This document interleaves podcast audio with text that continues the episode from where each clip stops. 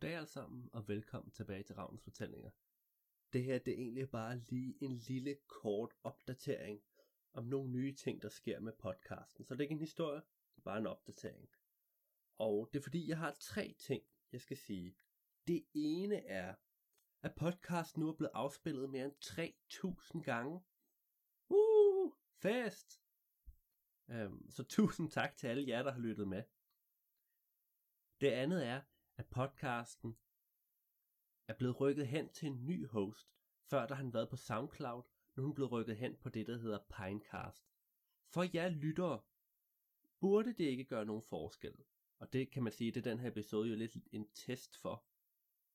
Øhm, det gør, at nye episoder vi ikke kunne høre på SoundCloud, men at vi stadig kunne høre dem på alle de andre steder, I normalt hører med, for eksempel Apple Podcast, Google Podcast, Podimo, og hvad der nu ellers er apps derude. Øhm, så I må godt lige, du ved, kommentere til den her episode på Facebook eller på Instagram, at I godt kan høre det. Og det sidste, det er, at Ravnens Fortællinger har fået en ny hjemmeside. Den kan I tjekke ud.